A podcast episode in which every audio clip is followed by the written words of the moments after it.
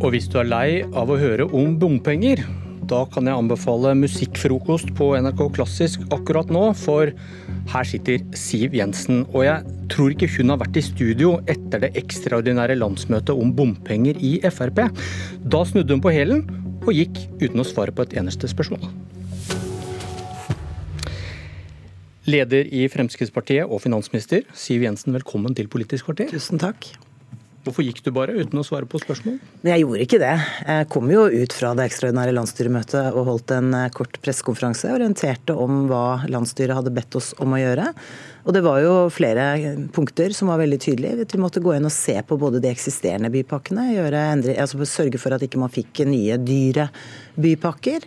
At vi fikk eh, sikret penger til å slette litt mer bompengegjeld, for å nevne noe. Ikke minst se på nullvekstmålet og eh, jobbe mot eh, veiprising. Men hvorfor svarte du ikke på spørsmål? Jo, men det er jo ikke noe poeng. Når vi skal sette oss ned og forhandle med tre andre partier, så gjør jo ikke jeg det gjennom verken Politisk kvarter eller andre medier. Da. Det vet du godt. Forhandlinger de skjer i lukkede rom.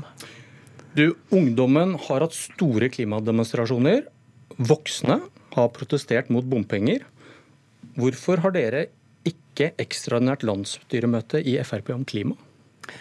Ja, vi bidrar jo i regjering til betydelige kutt i klimagassutslippene i Norge. Nå går de faktisk ned, bl.a.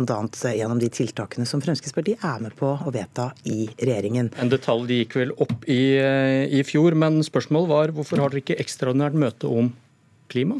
Ja, nå gikk ikke Fremskrittspartiet til eh, valg på å, eh, klimasaken som sådan. Men vi har vært veldig tydelige på at vi ønsker at eh, bilistene skal ha gode vilkår over hele landet. Det har vært en viktig sak for Fremskrittspartiet så lenge vi har eksistert som parti. Og det handler jo om at bilen er det viktigste fremkomstmiddelet over hele landet. Og det er ikke alle steder at kollektive løsninger er et alternativ for folk. Og da må vi legge til rette for at vi bygger ut veier til en anstendig eh, pris for folk flest. At ikke bombelastningen blir for høy. Og så er det nå engang sånn at vi har jo nå lagt til rette for en ganske klimavennlig politikk i de store byene, bl.a. gjennom elbilpolitikken. Den virker. Det selges jo nå flere elbiler enn noen gang før, og det gjør jo at også utslippene går ned. Problemet er bare det at det er ikke alle borgere i dette landet som har råd til å kjøpe seg en elbil. De er fortsatt ganske dyre. De er avhengig av å bruke den bilen de har.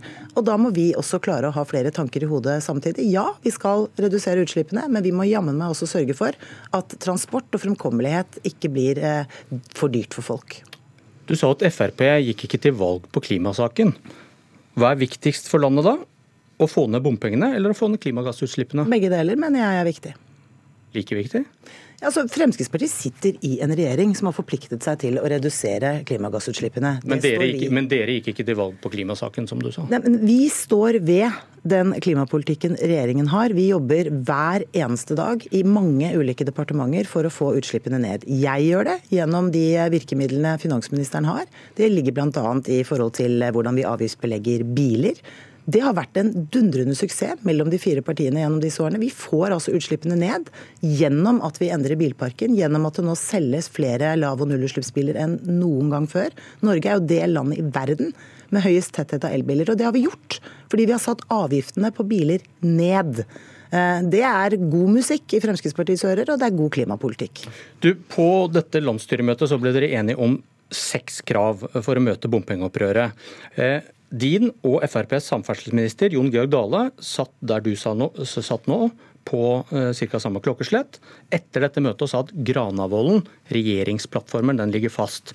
Og I den står det at regjeringen vil ha økt satsing på bymiljøavtaler og byvekstavtaler, og at dere vil fortsette å etablere nye byvekstavtaler. Men første punkt på FrPs kravliste er stoppe nye bypakker. Hvordan kan dere mene at dette kravet ikke bryter med Granavolden? Jon Georg Dale har helt rett i at eh, Granavolden-plattformen ligger til grunn for eh, de forhandlingene vi nå gjennomfører med de andre partiene. Det gjør det også for landsstyret. Når vi har tatt eh, til orde for å se på disse bypakkene, så handler det om at det ikke er bærekraftig lenger. Eh, de er rett og slett blitt for dyre. De er ikke finansiert. Og det er bilistene eh, som i det alt vesentlige må betale for eh, kollektive løsninger. Ta Oslo som et eksempel. Ja, men, ta, ta, men, dette, du, du, du, ja, men, du, sier ligger til grunn for en, en, enkelt ja eller nei. Er det kravet dere stiller her, stoppe nye bypakker, et brudd på regjeringsplattformen? Nei, fordi vi skal ikke stoppe pakkene. Vi skal stoppe Stoppe nye bypakker, står det. Jo, men, er du interessert i å høre svaret mitt? Veldig. Ja. Det vi er opptatt av å stoppe, er måten disse finansieres på. og Da kommer jeg tilbake til Oslo som eksempel. I Oslo så har altså staten tilbudt seg å legge opptil 15 milliarder kroner med statlige penger på bordet.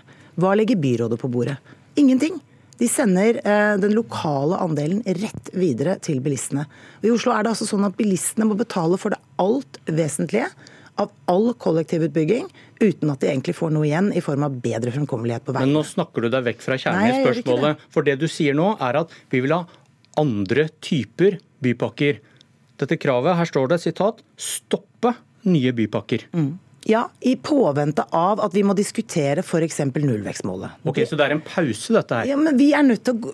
Det vi har sagt hele tiden, er at vi må gå gjennom disse pakkene for å se hvordan de er finansiert. Det er jo hele, hele poenget.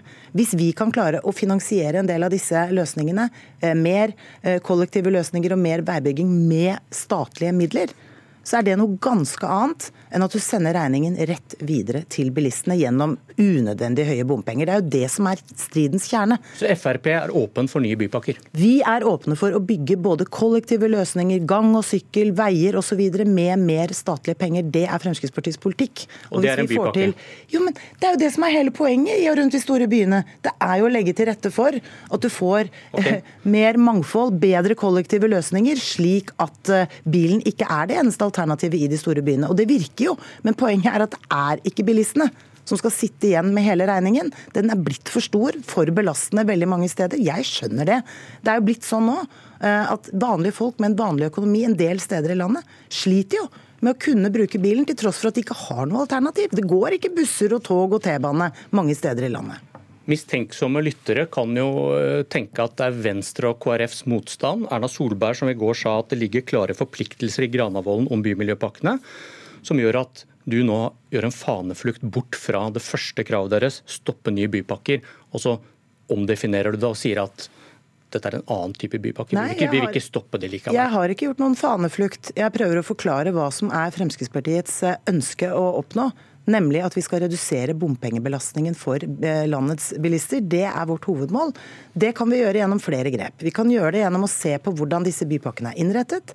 Eh, og da må vi også gå gjennom dette nullvekstmålet. For det stiller, det stiller jo krav til antall biler, i stedet for å stille krav til utslipp.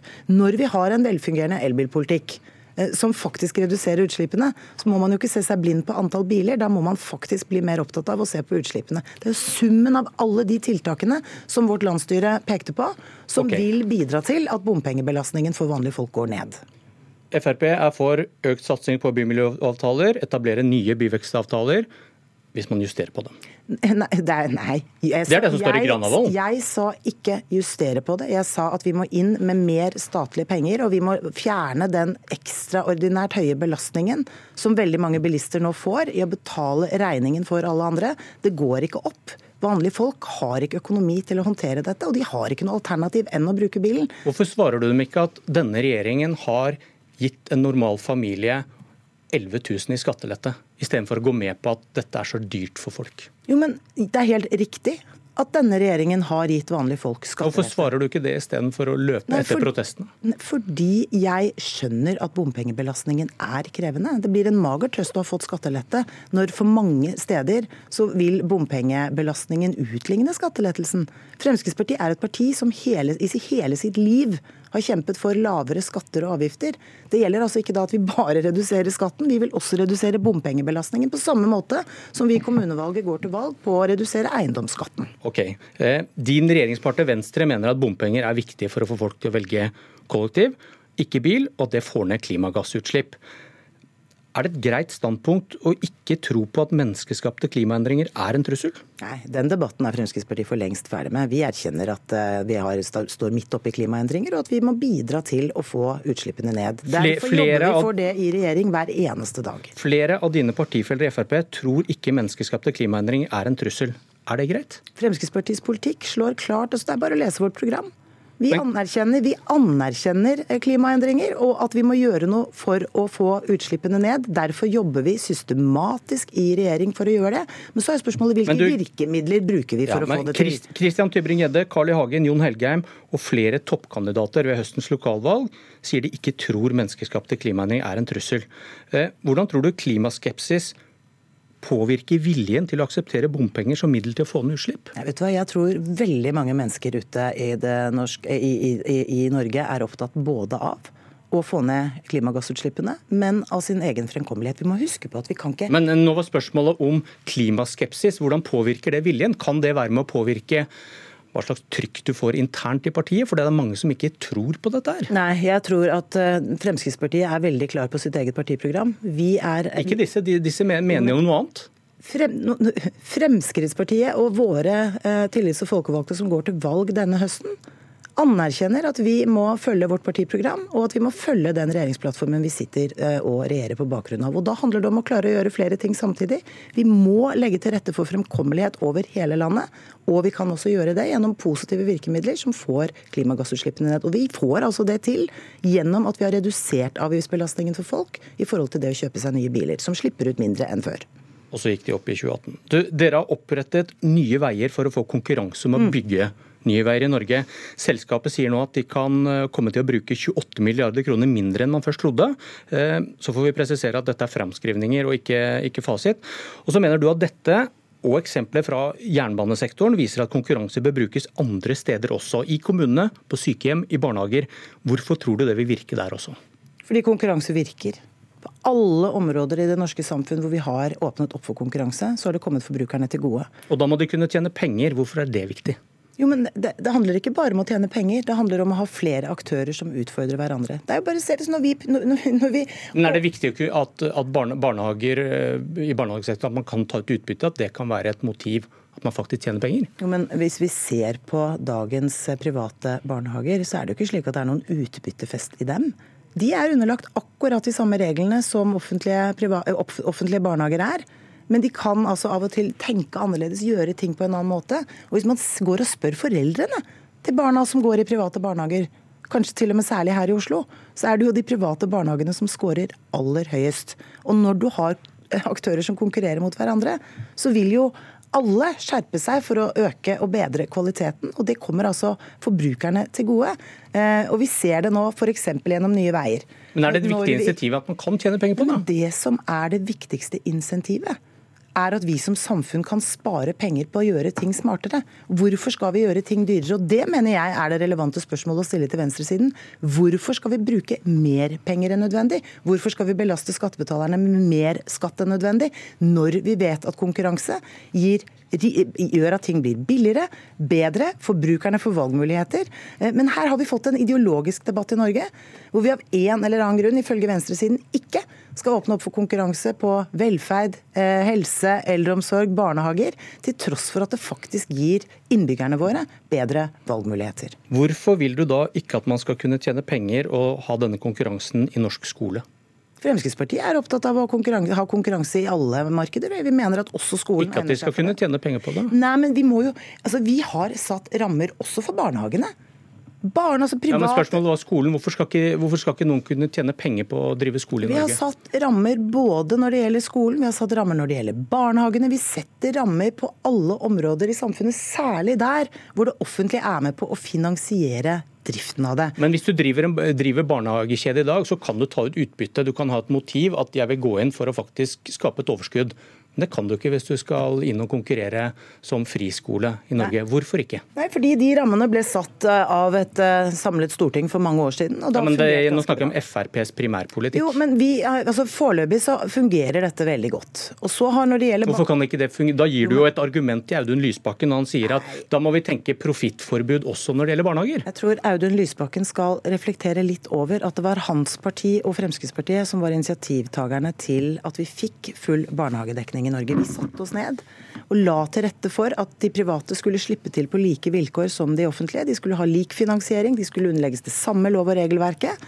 Eh, og det har vært en dundrende suksess. Nå som det er en suksess, Så har SV bestemt seg for å stikke kniven i ryggen nettopp på de private, som har bidratt til at vi har fått full barnehagedekning i Norge. Det er jeg uenig i. Jeg mener konkurranse er bra. Det er bra for forbrukerne. God sommer, Siv Jensen. God sommer. Dette var Politisk kvarter. Jeg heter Bjørn Myklebust.